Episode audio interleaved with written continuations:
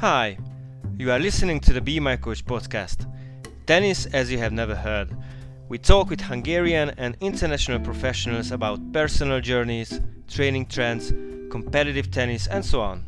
The shows are in Hungarian and English language.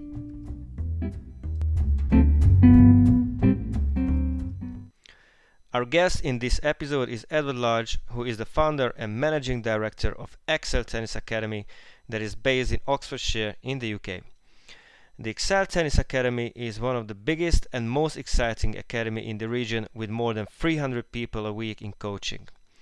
Ed is a level 4 senior club coach with more than 20 years of coaching experience, working with countless tennis players in the region. I had the fortune to work with this fantastic person in the past, and now I'm happy to talk with him about the academy and many other things. Hi Ed, welcome to the show. Before we talk about Excel Tennis Academy, I have to ask about the beginning of your coaching career. So, um, how did you become a head coach at the age of 19? It's a uh, luck in some ways and hard work, I guess, in others. So I started as a assistant when I was just 14, uh-huh. um, and I was working with a tennis coach, um, and he was the head coach at Witney. I worked with him for five years. Um, I, I, ended up probably being at the club more than he was. Um, you know, just learning from the members and learning from the players and and learning from him. And um, got to an opportunity where he was leaving, um, and I had a meeting with the club, and they asked if I would be willing to take on the role, as I'd been there for a number of years, and they were pleased with what I was doing. Um, and the coach I was working with, Chris, he um, you know gave me a bit of support, and um, and I took it on. Um, and it was always a, a, goal of mine to be a head coach, and I was fortunate enough to you know be in a position where I had some supportive people around me, and and was yeah took took a gamble, and yeah it's, it's paid off. Yeah, absolutely amazing. So it's like we talk about like uh, more than 20 years of experience, coaching experience, and uh, you build up a very nice academy. I had the fortune to to work with you for for a couple of years, um, so three four years, and and actually started from one venue, and now you have like two three venues. Could you could you give me some details about it? How how the academy looks like, and not just the venues, please, but also the the program as well. Yeah. So uh, when I when I took on Witney as the head coach, we had 20 kids on a Saturday morning, and that was it. Uh, within a year, we had 120 pupils over um, six days a week. Um, and we're currently in Witney at around about 190 pupils a week now, uh, both juniors and adults. After a number of years of running Witney, uh, another local club approached me um, to if I would take on the management of their coaching program, uh, which I did. Um, so that was our second venue. Um, and then working with the local community and the local schools. Um, another facility, uh, well, actually, it was a it was a local village approached me and said, "Would you be willing to run some coaching in our village?" Um, so I worked with the local secondary school to facilitate use of their uh, grounds, and that became a like a little independent facility mm. um, for the community, which has been good. And then September 2019, um, I took on uh, my fourth venue, which was a two court club. They had 30 people in the coaching program, and that was it. Um, and we are even through the COVID year that we had. By the time we finished um, December 2020, we finished that term with 138 pupils um, at wow. that one venue. So it's amazing. Yeah, so I mean, we're pushing about 350 people a week just at the clubs. Um, we have a real variety from children all the way through to adults. Um, children, we start at four. Um, we do have a few sort of three years and 10 months, so a little bit flexible on the age, but yeah, usually yeah. from four. Uh, and then juniors up to the age of about 18, and then adult sessions upwards. And again, the adults is a range of beginners, cl- club level players, and then the lower league teams up to the you know the, the, men's and ladies A team that we work with at different venues as well. So it's a nice mix of players who play socially, players who play competitively, and players who take it quite seriously. Um, it's it's always been a goal of mine to focus on the participation side of it though if we if we make sure we get the participation numbers right then the performance com- comes from that um, yeah yeah, absolutely. Sorry, sorry to, to interrupt, but yeah, what what you what you're telling is it's. I think it's very important in in every sort of uh, standards, abilities, and and yeah, every everyone I I think can find um, their path uh, completely. It's I, I view it like a pyramid that you need the base of your pyramid to be vast. You need a lot of people playing for the love of playing tennis. Then you you start to spot the players who are more talented and then you you know you provide them with maybe more sessions a week and a bit more coaching and then from those players you get the ones that are really keen and take it a bit more seriously and you work your way up and and it's never been a focus of mine to to produce future Wimbledon champions. That's that's not what we try to do. However, by doing everything well, by getting good participation, by getting players training with the right players, pushing each other's standard, we've ended up yeah. with county players, county champions, national players. We've had players who have won what's called the Road to Wimbledon in the UK. You know, it's players that are juniors who are playing for the men's county team. Um, and that's all come from focusing on participation and focusing on development of every player to be the best that that player can be um, rather than focusing on well if you're in the program you are going to be the best and this is how you do it which doesn't work for a lot of people and puts off a lot of people from playing so yeah. it's taking people as individuals and training them as individuals. And from that you get the you get the performance element as well. And that's a really nice place to be. Yeah yeah absolutely. And um, you mentioned um, uh, school links i think it's um, it's also very important schoolings into the academy. So you established i mean I, am not sure how many. I mean when i was at your academy we had like uh, minimum five six schoolings mm, I, I can't remember um, exactly, but sort of like yeah, the numbers five or six. But now you have like more than as, as you mentioned, more than ten. Lots, lots. So the average number of links with schools that the LTA, who are our governing body, they would advise a club to get is 3 mm-hmm. um, we currently have uh, just over 25 schools. Wow. Wow, and that's amazing that, They, we work with more schools than that, but we have 25 schools who are part of our partnership. And basically, what happened was school links to me has always been vital. When I grew up, we didn't have anybody ever come to our school to say, Hey, do you want to play tennis? I got into tennis via my family. Um, my grandmother used to hit a ball around with me um, and meeting people at school who also play tennis. Um, so for me, it was a case of how can I bring tennis to children um, and try and break down barriers of entry, whether it's a cost barrier or a travel barrier or, or, or an experience barrier. So we would go to the schools and I would and I would say, basically, would anybody like us to come in and give you some free coaching? And that, that was kind yeah. of how the conversation would go with schools. Yeah. More professional than that, but along those yeah. lines.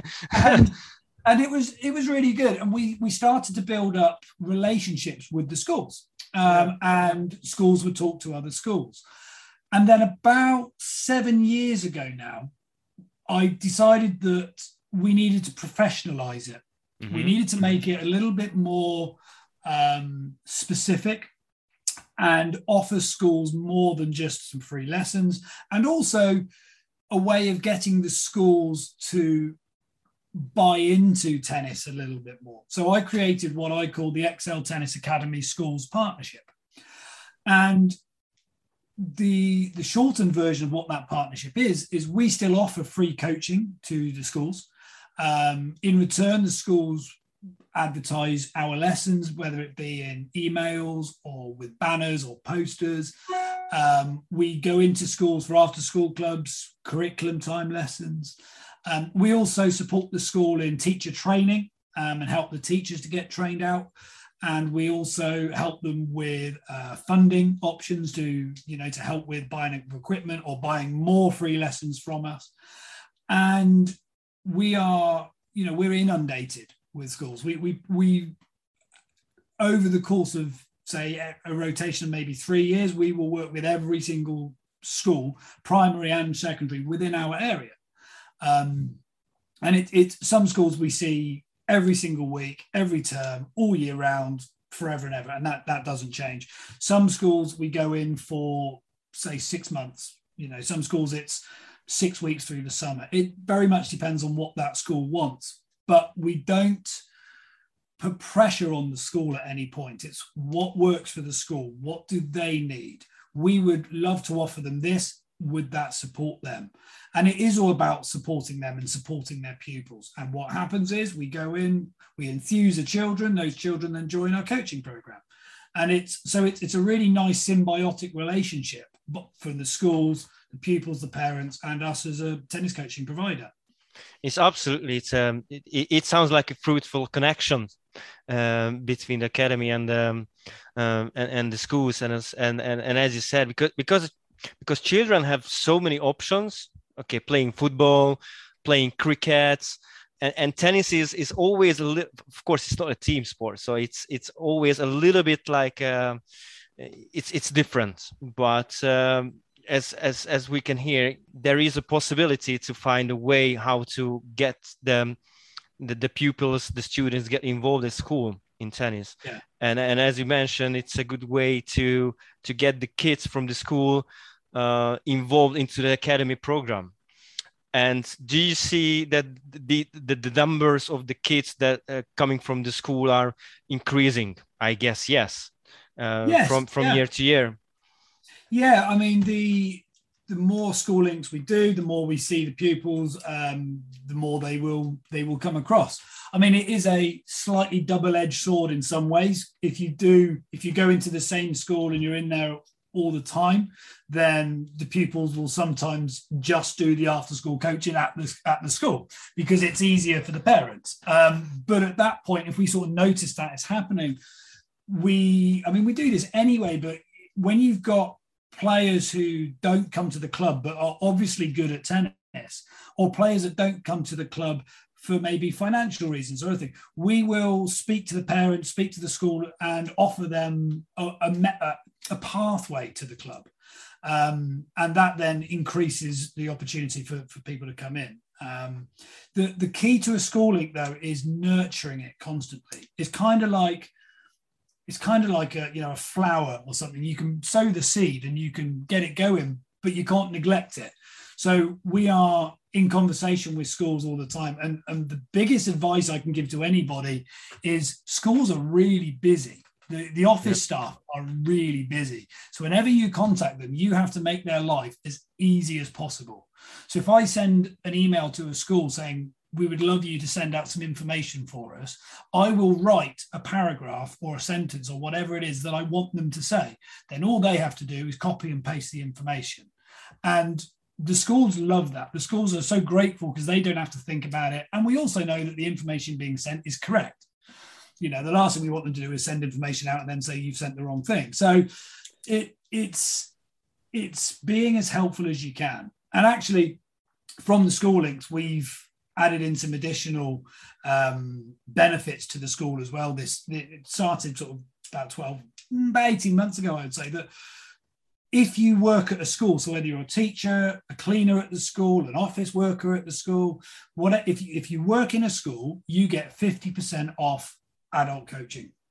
And we offer drop-in sessions and, and all sorts of different things. And the number of new players to the program and members of the tennis club that have come just because they get that uh, they get that discount is huge. And what happens wow. is they then go back to the school and say, "Oh, we're doing tennis. It's great." And then when we send them an email saying we'd love to come and work with you, they're like, "Oh, yes, please come, please come, because we do tennis with you already, and it's brilliant."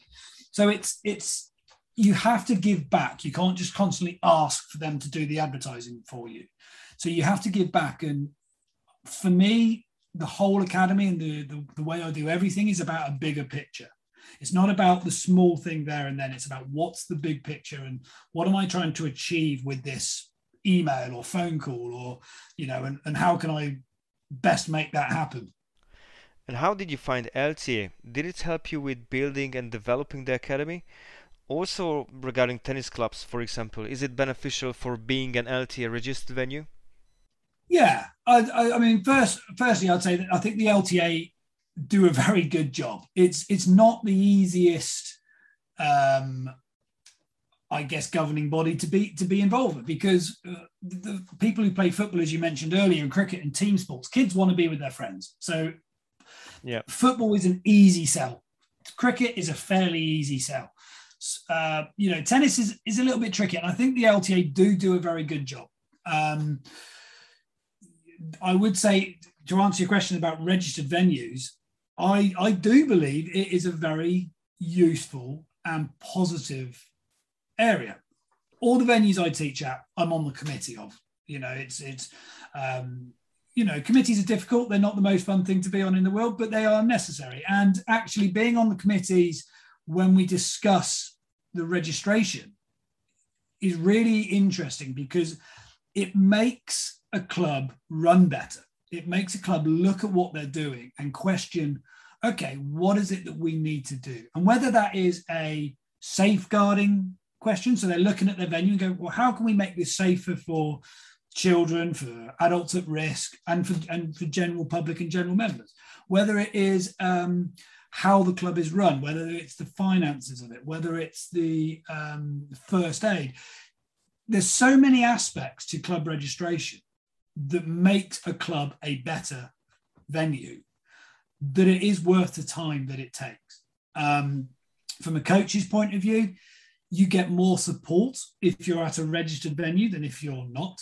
Um, I don't think that is um, necessarily, you know, part of the LTA's. Oh, you're not at a registered venue. We're not going to help you. I don't think that's what it is. It's just that there's more hmm. available for you easily if you are.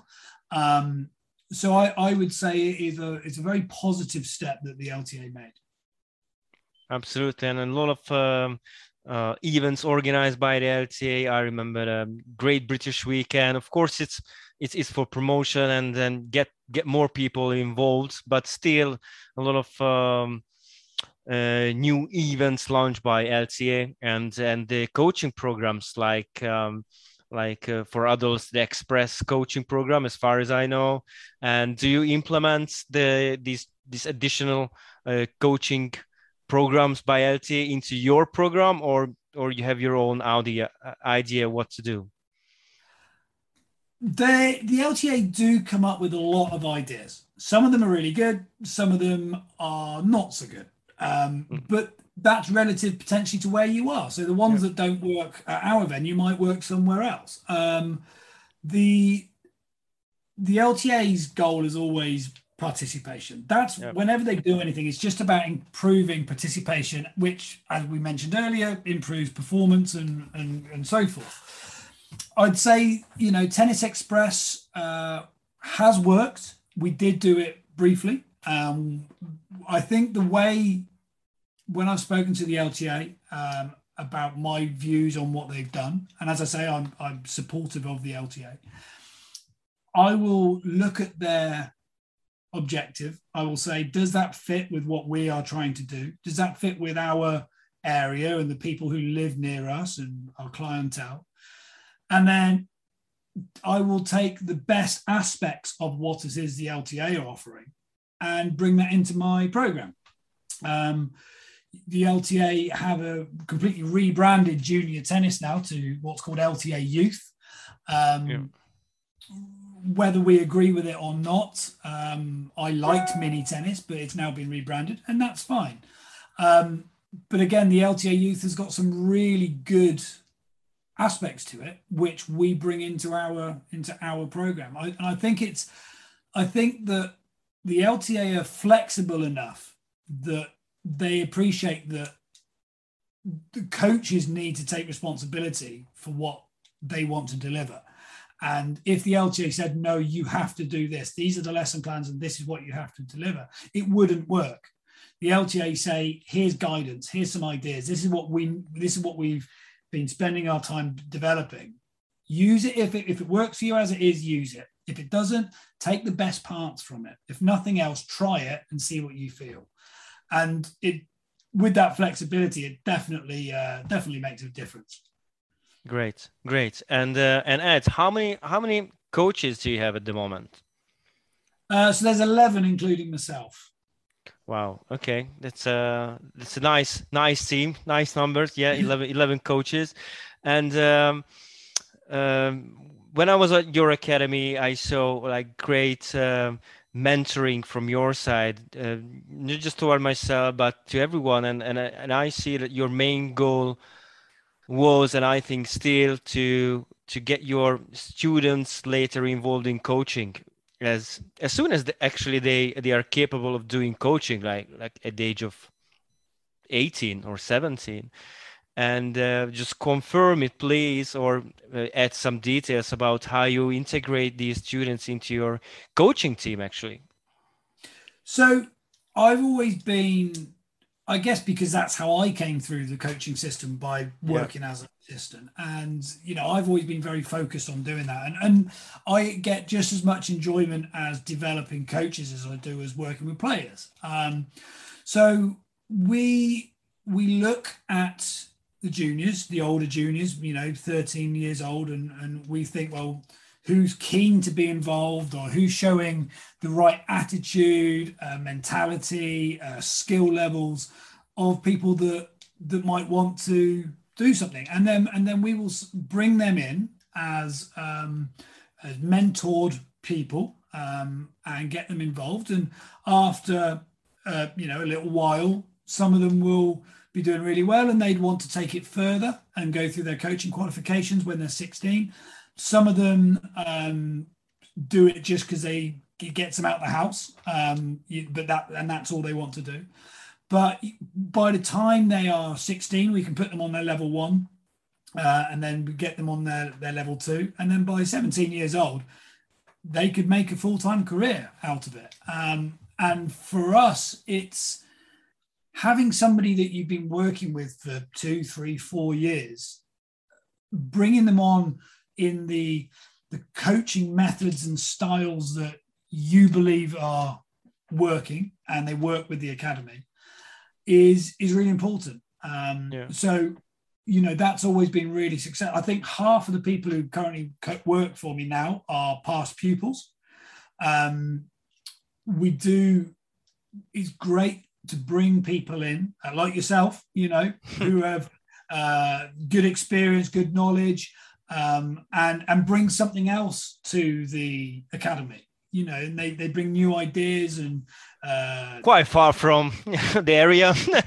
Coming yeah, from, yeah, yeah, quite far from and, there. And, and that's fantastic because it gives it gives a different viewpoint, you know, and and it makes you think. And I know when you were over here, that improved my coaching, the other guys' coaching. It improved the the academy as a whole because we learned things that you you you did or you came up as a junior or from um, from your knowledge and you know so it's great having not just coaches you do you develop but other coaches from other areas as well and and Ed regarding vision. So when you when you started this this uh, this journey this coaching journey and not only coaching journey but actually building up a, uh, an academy did you have a clear vision about okay i want to see uh, the, the academy looking this way five years later on? Or or or you just um, you looked like one or two years further? So so how how how did it happen for me i i always knew i wanted to have a team of coaches um, and basically be one of the biggest and best providers of tennis in the area that I could. And it's not been, um, I, I don't want to be a national brand. I'm not trying to be, um, you know, like a David Lloyd or anything like that. I, I'm, I want to be the best I can be within my area. And, and, and and get to a point where it it wasn't Eddie Lodge, the tennis coach who coaches at different venues. And that was where my company came around. That's where the Excel Tennis Academy came from, because it was about creating a brand that people knew what you were getting, whether you were going to this venue or that venue, you knew the quality of what you were going to get. Um, I always, you know, talked about clothing. If you buy Nike, you know what you're going to get with Nike. Um, yeah. So my, my vision was to be the best that we could be where we were and to, to have participation numbers far exceeding what would be expected of a club of our size or a place of our size and to compete against the oldest and the biggest clubs in the uh, in the county which which we do um, you know we are we punch above our weight you could say for for where we are um, and and i think always looking to be better and offer more makes us push forwards. I don't, I, I, you know, I've achieved the goals that I set out five years ago. Um, I've far exceeded the goals I set out 10 years ago. So now it's a case of, well, what is the next stage? You know, and my plans for the next maybe 10 years are, are, you know, something that's challenging to reach, but every goal that I've set has been achieved. Um, and you know, my, my the, the way we get there is by doing what we do well and doing more of it so maybe later on we should we should get back into this topic and and, and ask you again okay what what you achieved in the last um, uh, couple of years and um, yeah.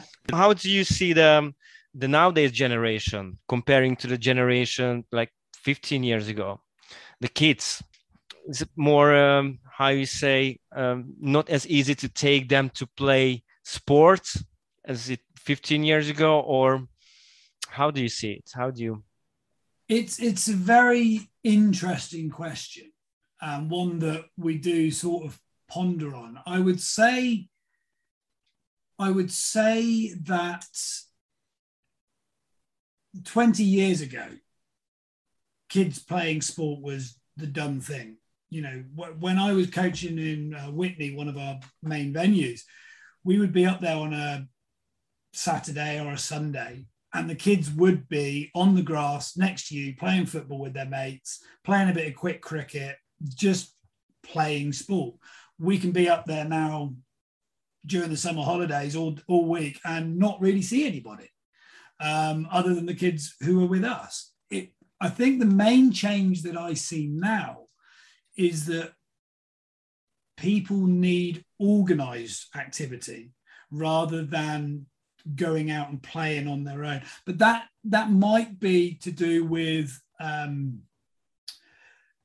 society and you know letting kids just wander off on their own now up to the park to play sport you know unsupervised.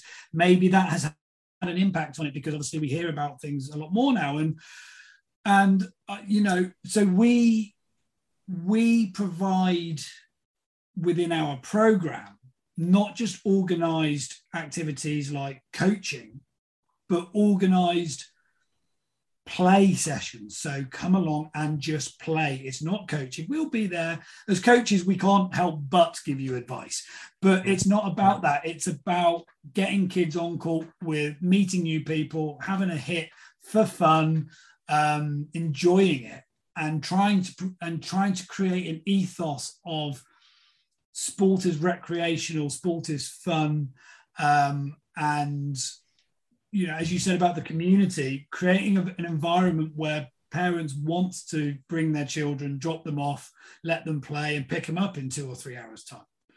Um, is it harder to get kids into it? I would say for us, no, because of all of our schoolings. However, there is so many more opportunities for kids these days. You see activities that they can take up, which were never an option when I was growing up. You know, we had maybe one of three or four things to do, whereas now there's a dozen Um, so you need to be something that the kids want to do um, and that the parents are willing to do. We obviously have the biggest issue where we are with the lack of indoor facilities. We have to make tennis so good that when it's raining and snowing and cold and windy, the kids want to be there. And I would say nine out of ten times the kids want to be there and the parents don't. the parents yeah. don't want. I still remember. I still remember like coaching and absolutely healing and stuff. It was, it was, it was, it was great. Great fun.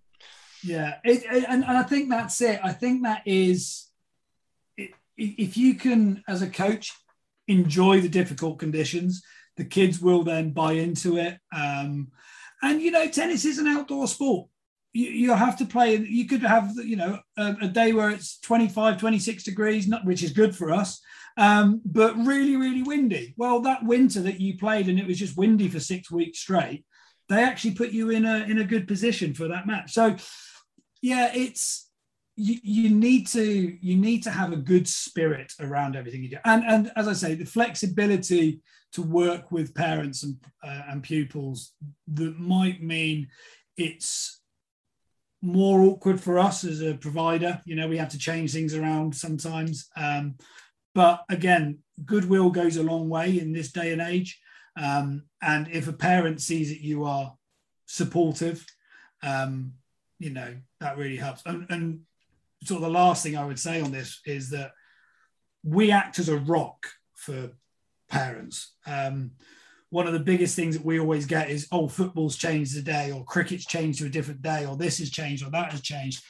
Once we've got a group of players that are good together, their day, their time, their coach stays the same.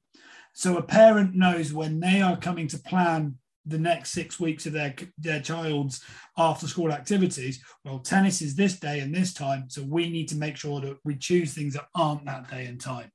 Um, and I know that parents appreciate that because it it means that they don't have to make a choice and they can stay with tennis. Yeah, and um, and Ed, uh, because you saw so many uh, so many changes, not in just the game, but in um, in in coaching development and all the aspects of the of the game and the coaching. Um, regarding methods, coaching methods, what or how did you adopt the latest coaching methods into your program? It changes. Tennis changes quite regularly in some respects. I mean, there's obviously been a few times where the game has just changed. You know, you talk about Federer, you talk about Nadal with his spin, and you talk about Djokovic with his athleticism. You, you know, you you look at you look at the Williams sisters and the power that they brought to, to women's tennis, and from a coach's point of view, you have to be looking at right, what is the epitome? What is the best tennis at the moment?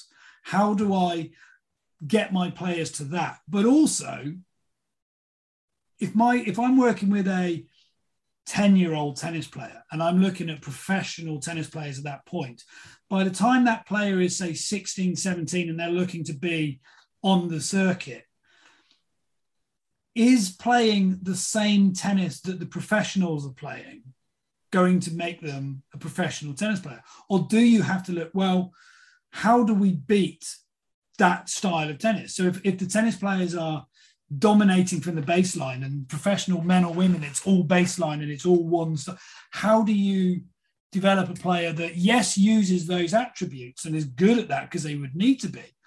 But what else do they bring to the game that changes it? And I think if you look at the men's and women's game, there's quite a lot of variation now within there. And gone are the days of just one big serve and that was it, where tennis became quite dull for a period of time, to what I, I believe is some of the most exciting tennis of, of any era. Um, it, it's fascinating. And, and at the moment, the, the, the big the big thing for us is the fitness levels and and and the the the ability to not only be physically fit but mentally fit as well now and you know it's i think it's important to as i say look at look at what is tennis i.e., what is what is professional tennis at this particular time?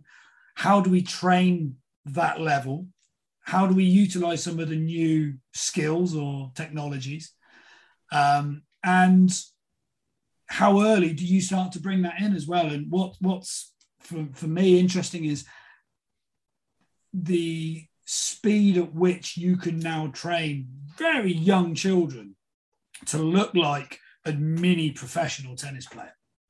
Um, with the changes in rackets and balls and court sizes, and it really does mean that you can take a five or six year old and have them looking like a mini professional tennis player, which is which is fantastic because then you know you can you've gone through that window of opportunity. You can then start to work on the mental and the physical side of things when as, as they get older which which is such at the moment a massive part of the game massive part of the game.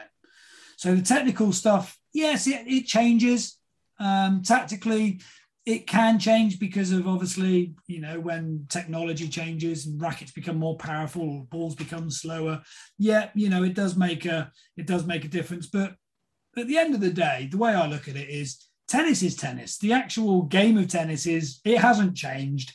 The, the, the, the, rules of tennis are the rules of tennis.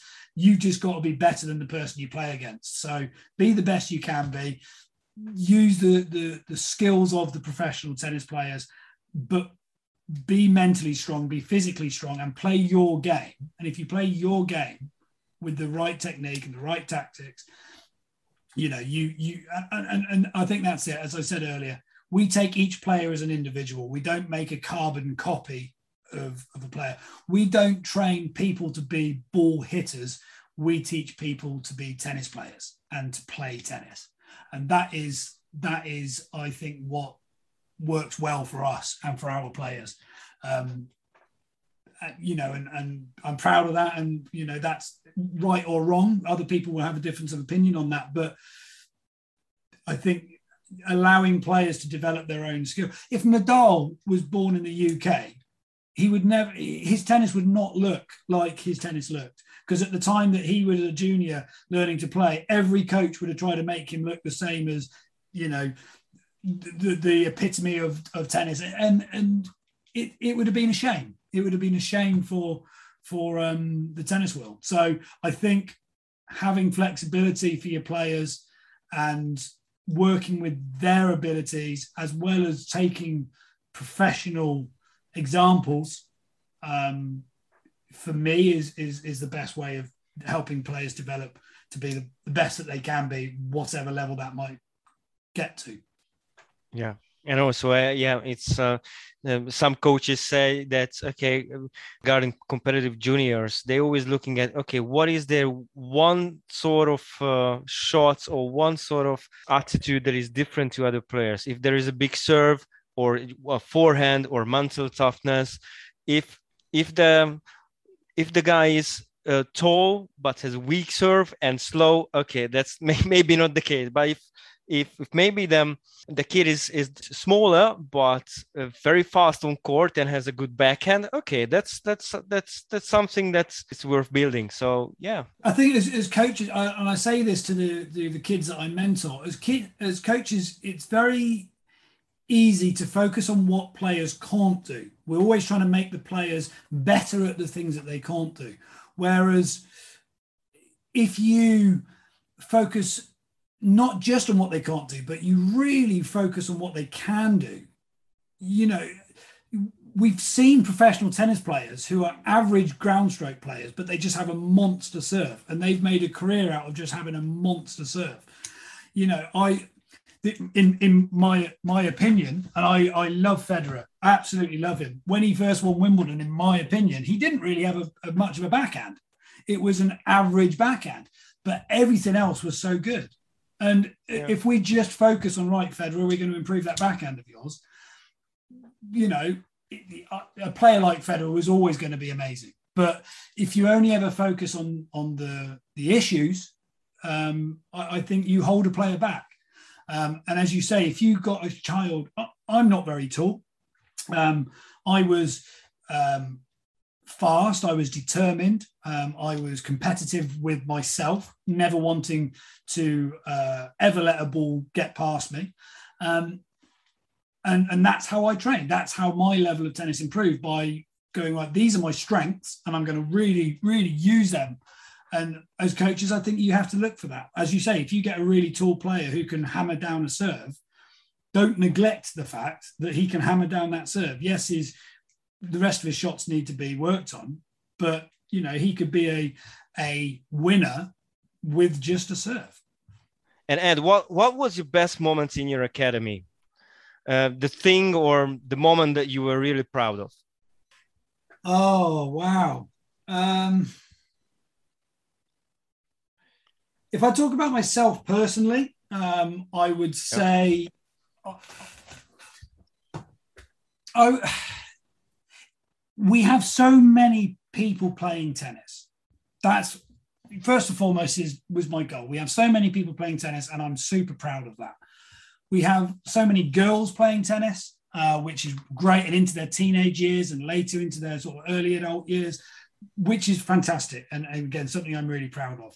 Um, I guess for me personally, it's about uh, impact on people's lives. Um, I've trained up over 30 coaches, um, you know, from juniors. And that's, and I would say of that 30, a lot of them are still involved in tennis. Um, a lot of them got into university because of, you know, the work that we did with them. That allowed them to go on to meet their um, ambitions. You know so for me impact on people. And and when you get somebody who you talk for maybe five ten years um, they went off to university every summer they come back they give you a call they want to meet up have a hit have a chat you know another 10 years comes by they come down and they show you their kids and they get their kids on the call personally i think that is such a massive reward for me. Um, I would I would always say that's my greatest achievement is the impact on other people's lives and what it's and that then has an impact on me.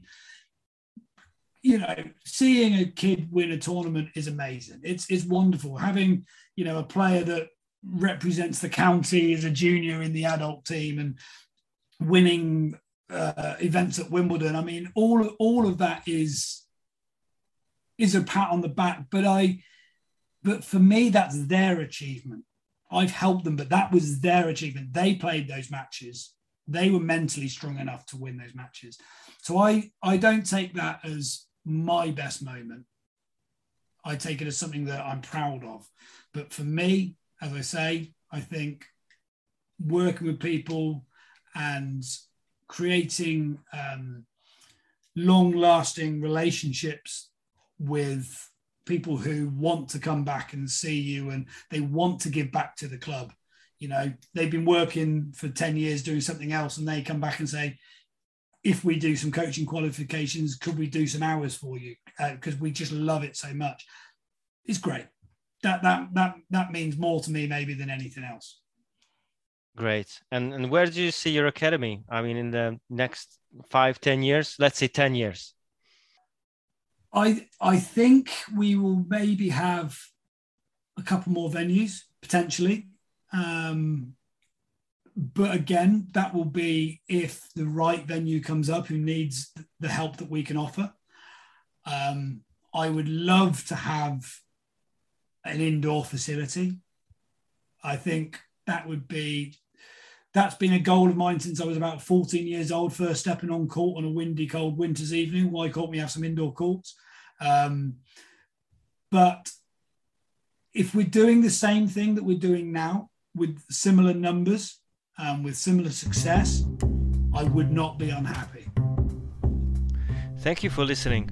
Follow us and check out our latest episodes on social media.